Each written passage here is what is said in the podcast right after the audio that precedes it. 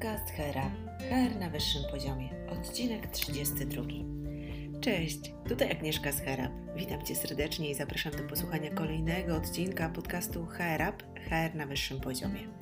Dla tych, którzy słuchają mnie po raz pierwszy, dwa słowa o mnie. Na co dzień pracuję jako freelancer w obszarze szeroko pojętego HR. Pomagam zarówno firmom, jak i kandydatom.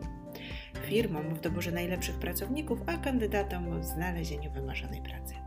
Więcej o mnie możesz znaleźć na moim profilu na LinkedInie, wyszukując mnie jako Agnieszka Witacka, a jeśli jesteś zainteresowany zagadnieniami z pogranicza HR i zdrowia za biurkiem, to zapraszam Cię na mój Instagram.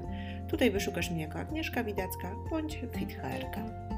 Jeśli jesteś zainteresowany tematyką HR i EB, to dobrze trafiłeś, bo w moim podcaście poruszam tematy istotne zarówno z perspektywy pracodawcy czy rekrutera, jak również z perspektywy kandydata czy pracownika.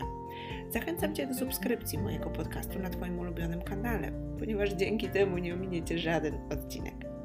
A dzisiaj porozmawiamy o tym, jak zacząć karierę w HR a dokładnie w rekrutacji. Będę często odnosiła się do mojego doświadczenia związanego z pracą w firmie rekrutacyjnej. To co? Jesteś gotowy? Zaczynamy.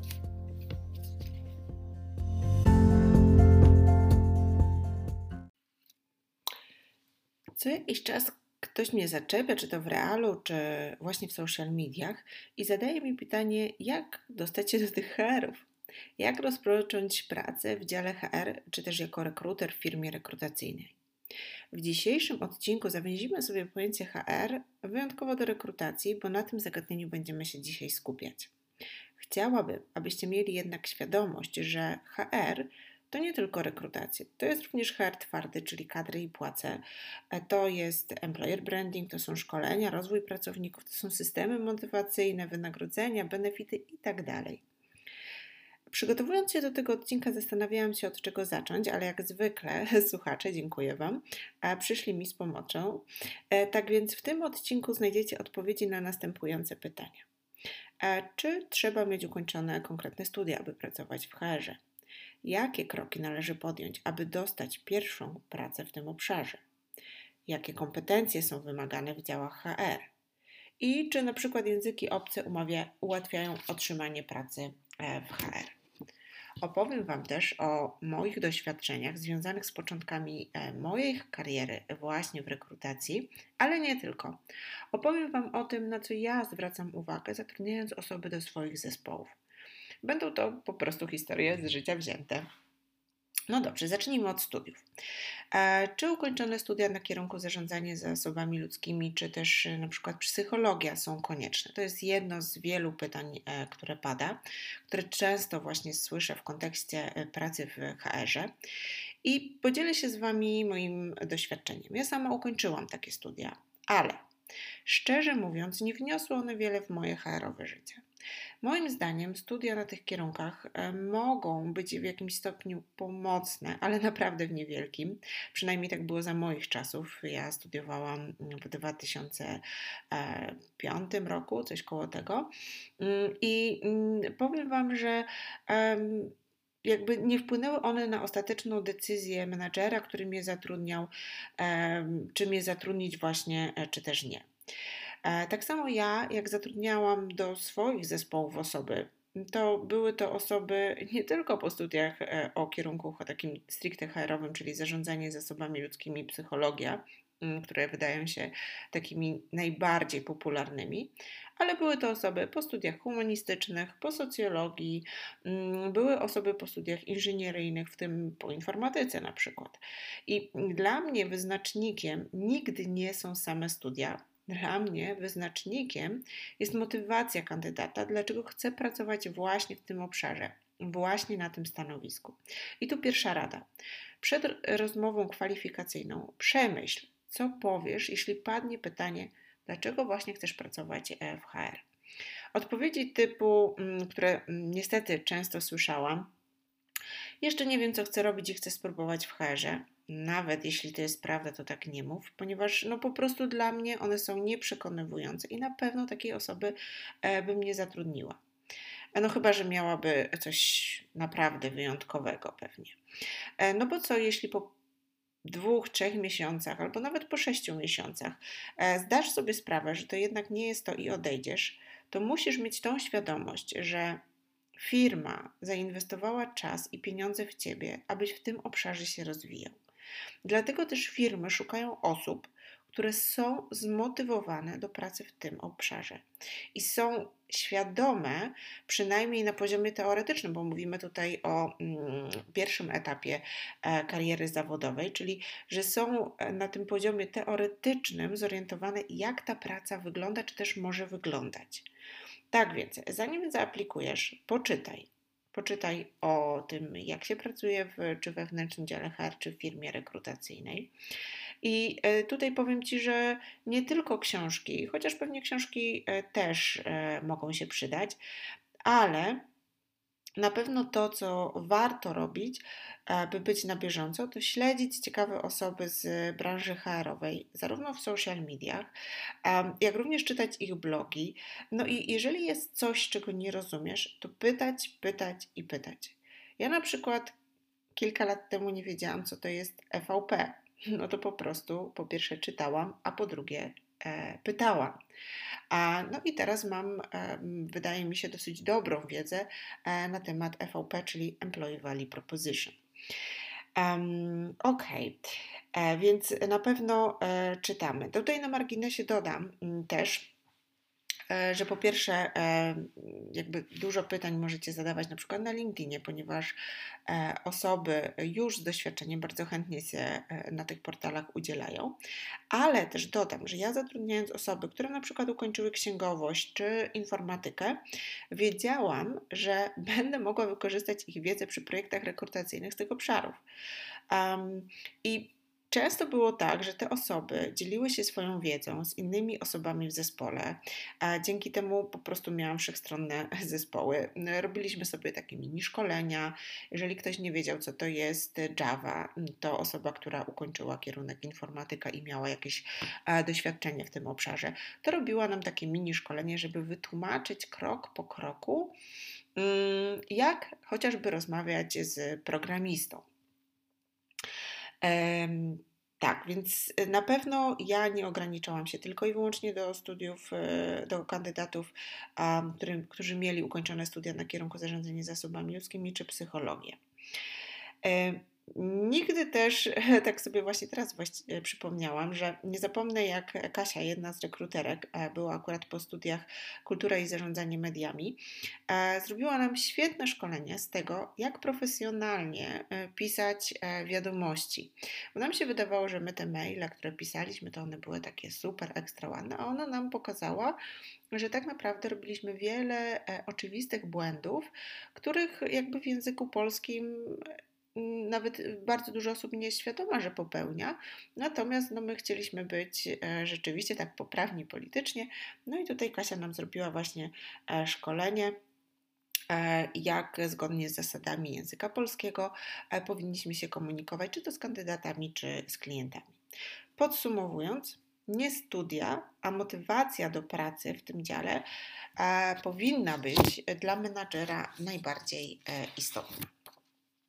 No dobrze, jakie kroki podjąć, by dostać pierwszą pracę w dziale HR? To jest też pytanie, które bardzo często mm, pada. W moim przypadku pomocne było dla mnie e, doświadczenie podczas studiów i uwaga, nie było to e, doświadczenie w dziale rekrutacji. Podczas studiów musiałam pracować, żeby się utrzymać. Moja praca często była związana z obsługą klienta. Była to praca czy przy jakichś ankietach na telefonie, mm, czy na przykład e, wtedy zaczęły powstawać w Krakowie, w Warszawie, bo tam pracowałam zaczęły powstawać właśnie takie infolinie, takie coś ala Shared Service Center, BPO i e, tam właśnie pracowałam. Oprócz tego pracowałam jako e, kelnerka i ta praca nauczyła mnie naprawdę bardzo, bardzo wiele, jak rozmawiać e, z, z ludźmi. No i żeby zrealizować swój plan, odbyłam krótkie, bezpłatne praktyki w dziale HR i przyznam, że Akurat te praktyki niewiele mnie nauczyły, ale byłam przeszczęśliwa, że mogłam wpisać do, do swojego CV, że mam coś wspólnego mm, z działem e, HR. E, I dzięki tym doświadczeniom mm, trafiłam, bo akurat wtedy się przeprowadziłam do Warszawy, więc trafiłam do polskiej firmy rekrutacyjnej, w której byłam na początku odpowiedzialna za zatrudnianie pracowników tymczasowych. To była naprawdę szkoła życia, ale może tą historię sobie zostawię na inny odcinek. Jak ty możesz zacząć pracę w dziale HR? Po pierwsze, mm, jak już się pewnie domyślasz, e, staże i praktyki. E, obecnie większość firm ma takie programy, czy są to praktyki letnie, czy w ciągu roku jakieś staże do których zaprasza osoby zainteresowane i uwaga, nie zawsze są to studenci.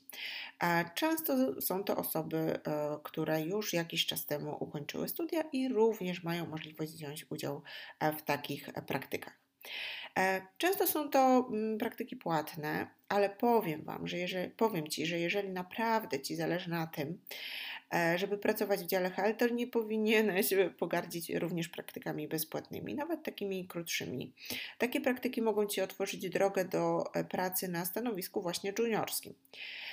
Inną możliwością na przykład mm, jest praca na stanowisku asystenckim w dziale HR czy chociażby w firmie rekrutacyjnej. I tutaj mogę się z Wami podzielić swoimi doświadczeniami, e, ponieważ jako e, HR manager E, właśnie zatrudniałam różne osoby na różne stanowiska do mm, swoich oddziałów e, i jak wspominałam, bardzo zwracam uwagę na motywację kandydatów, czy w ogóle mają jakiekolwiek pojęcie o obszarze, do którego chcą się dostać. W jednej z firm e, prowadziłam kilka rekrutacji.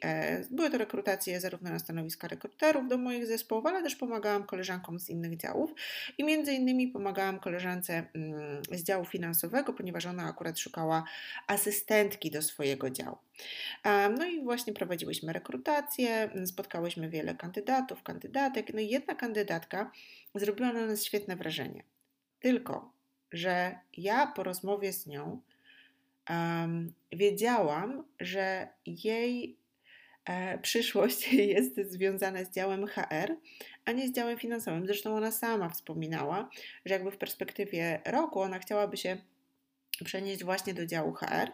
E, natomiast właśnie praca na stanowisku asystenckim w firmie rekrutacyjnej miała być e, jakby takim kolejnym krokiem e, do tego, żeby, żeby dostać się po prostu na takie stanowisko.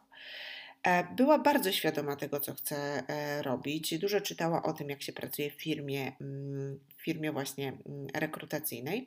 No i miała przemyślaną strategię, jak to zrobić, czyli najpierw praca na stanowisku asystenckim, a potem mm, właśnie praca e, już w obszarze rekrutacji.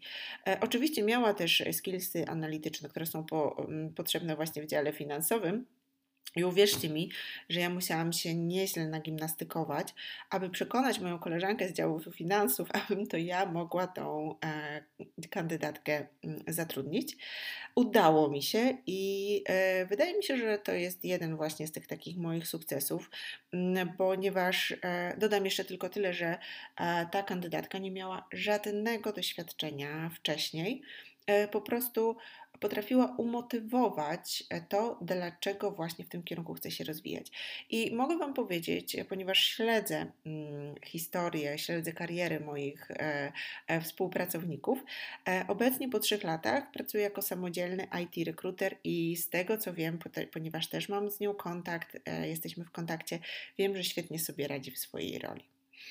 Kolejny przykład. E, to było trochę wcześniej. E, szukałam akurat asystentki recepcjonistki, która by się zajęła koordynacją pracy mm, biura. I oczywiście, e, oczywiście mm, nie była to tylko i wyłącznie rekrutacja dziewczyn, ale również brałam pod uwagę kandydatów panów. No ale akurat znalazłam świetną kandydatkę, która rzeczywiście ogarniała wszystko w tempie ekspresowym to, co dawniej zajmowało nam naprawdę bardzo dużo czasu, bo albo nie miał się kto tym zająć, e, albo po prostu no, nie było odpowiedniej motywacji do tego, żeby się tym zająć. Mm, ona robiła wszystko w tempie ekspresowym, e, a była to masa, uwierzcie mi, e, obowiązków. No i ona mm, przychodziła do mnie i mówiła: Aga, mam czas, chcę spróbować tych herów. Może jest coś, co mogłabym zrobić, coś, czym mogłabym odciążyć konsultantów.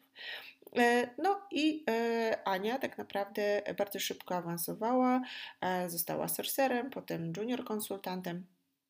Konsultantem, a obecnie już w innej firmie pracuję na bardzo samodzielnym stanowisku jako specjalista do spraw HR i ogarnia tak naprawdę mówiąc kolokwialnie praktycznie wszystkie projekty HR-owe, jakie w firmie są. Podobny przykład z koleżanką, która mm, już pracowała mm, w jednej z firm, do których ja dołączyłam. Pracowała również na recepcji, natomiast była e, bardzo ambitna, również e, brała dodatkową pracę, przychodziła i pytała o więcej. E, I obecnie po kilku latach awansowała, przez te kilka lat awansowała, natomiast obecnie jest menadżerem HR. Naprawdę to, co chcę Wam powiedzieć, że trzeba się wykazać determinacją i takim prawdziwym zainteresowaniem mm, obszarem, w którym pracujecie, bo jak widzicie, wszystko jest możliwe. Takich przykładów mam naprawdę dużo więcej, ale tak sobie myślę, że te wystarczą, żeby Was przekonać, aby. E, że aby zacząć, e, trzeba chcieć, tak naprawdę, naprawdę chcieć. No dobrze, mam nadzieję, że Was przekonałam. E, teraz porozmawiajmy o kompetencjach. Kompetencjach, jakie najczęściej wymagane są e, w działach e, HR. I to jest temat rzeka, bo oczywiście to wszystko zależy od specyfiki firmy, czy jest to firma rekrutacyjna, mm, czy, czy pracujecie w dziale, nie wiem, firmy, w dziale HR firmy IT, czy w share serwisach, czy w BPO-sach, do której z tych firm aplikujecie. Natomiast jest kilka takich kompetencji, które wydaje mi się, że są spójne dla wszystkich tych obszarów.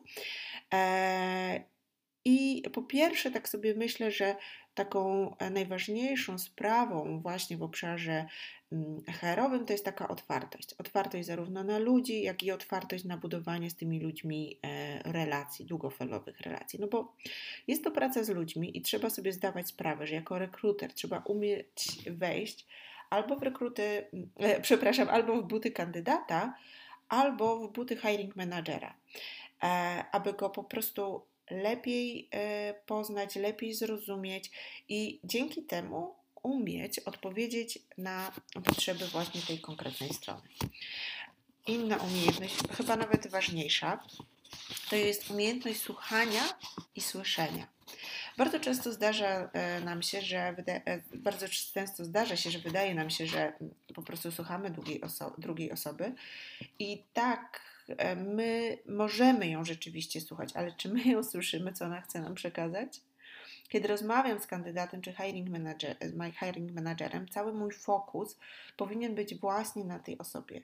Moje myśli nie powinny być skupione na kolejnym pytaniu, które chcę zadać, tylko moje myśli powinny być skupione na tym, co ta osoba chce powiedzieć, bo dzięki temu jest, ja jestem w stanie więcej wyciągnąć z tej rozmowy i zadać kolejne pytanie, bardziej odpowiednie, bardziej dobre, bardziej wnikliwe. A także wydaje mi się, że ta umiejętność jest chyba taką najważniejszą w, naszej, e, w naszym zawodzie. Inna umiejętność to jest e, umiejętność zadawania pytań, która oczywiście jest jak najbardziej powiązana z tą wcześniejszą umiejętnością. I akurat mm, umiejętności zadawania, umiejętność zadawania pytań to jest taka umiejętność, której można się nauczyć, bo to mm, przychodzi tak naprawdę z doświadczeniem. Warto jest też posłuchać, jak inni nasi koledzy, koleżanki, rekruterzy e, pracują, jakie pytania zadają e, kandydatom. No i oczywiście samemu na podstawie własnych doświadczeń również warto to testować. E, spostrzegawczość e, również jest niezwykle istotna.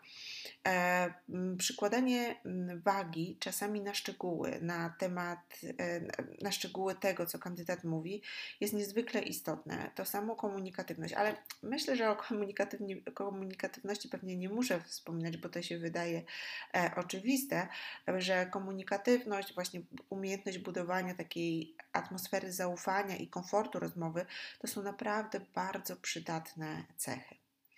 Praca rekrutera na pewno wymaga również umiejętności organizowania swojej pracy. I tutaj, na szczęście dla osób, które nie są e, akurat w tym najlepsze, no to na szczęście mamy teraz dużo narzędzi, które nam tą pracę e, ułatwiają. Czy kalendarze, czy ta cała automatyzacja, która można powiedzieć, że dużą część pracy za nas, e, mówiąc kolokwialnie, odwala. Więc wydaje mi się, że również, nawet nie, jeśli nie jesteśmy mistrzami w organizowaniu się, to narzędzia, które są obecnie dostępne, mogą nam w tym pomóc.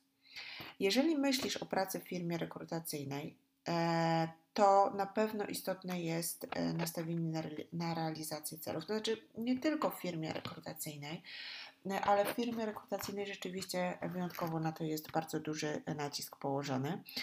E, bo tutaj mamy do czynienia z deadline'ami, z targetami do zrealizowania. Bardzo często firmy rekrutacyjne pracują na KPI-ach, więc e, trzeba się nastawić e, na to, że e, z tyłu głowy mieć, że są te deadline i te cele e, trzeba realizować.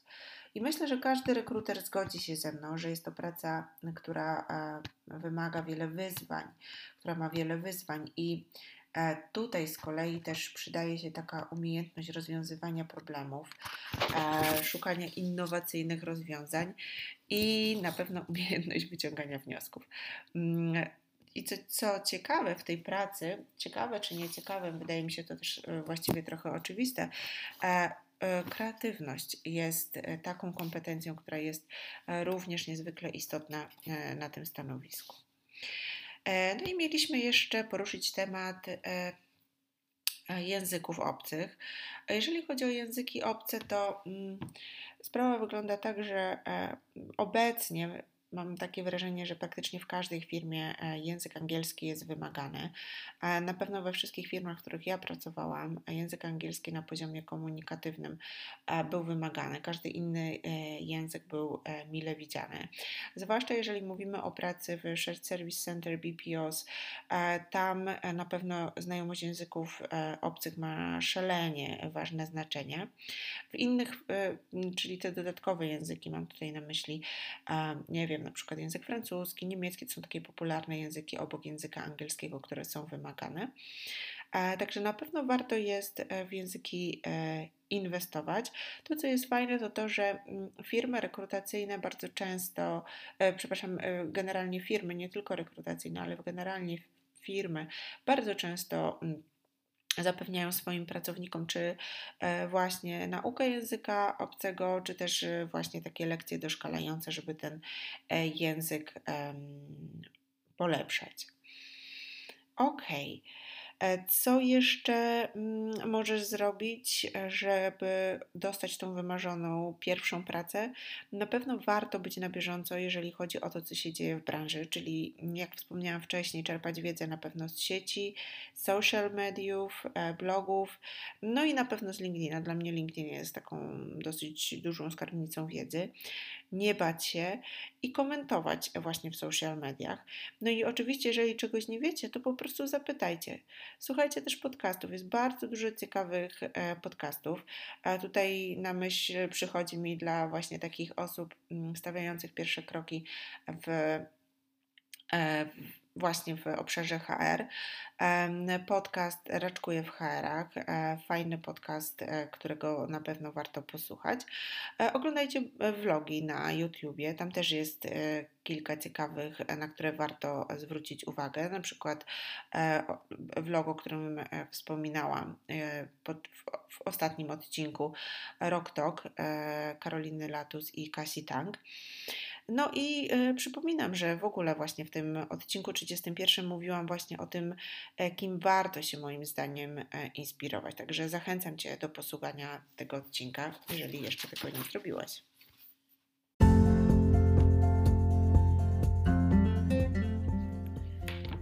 Hmm. To tyle na dzisiaj. To pierwsza część serii o rozwoju w obszarze HR.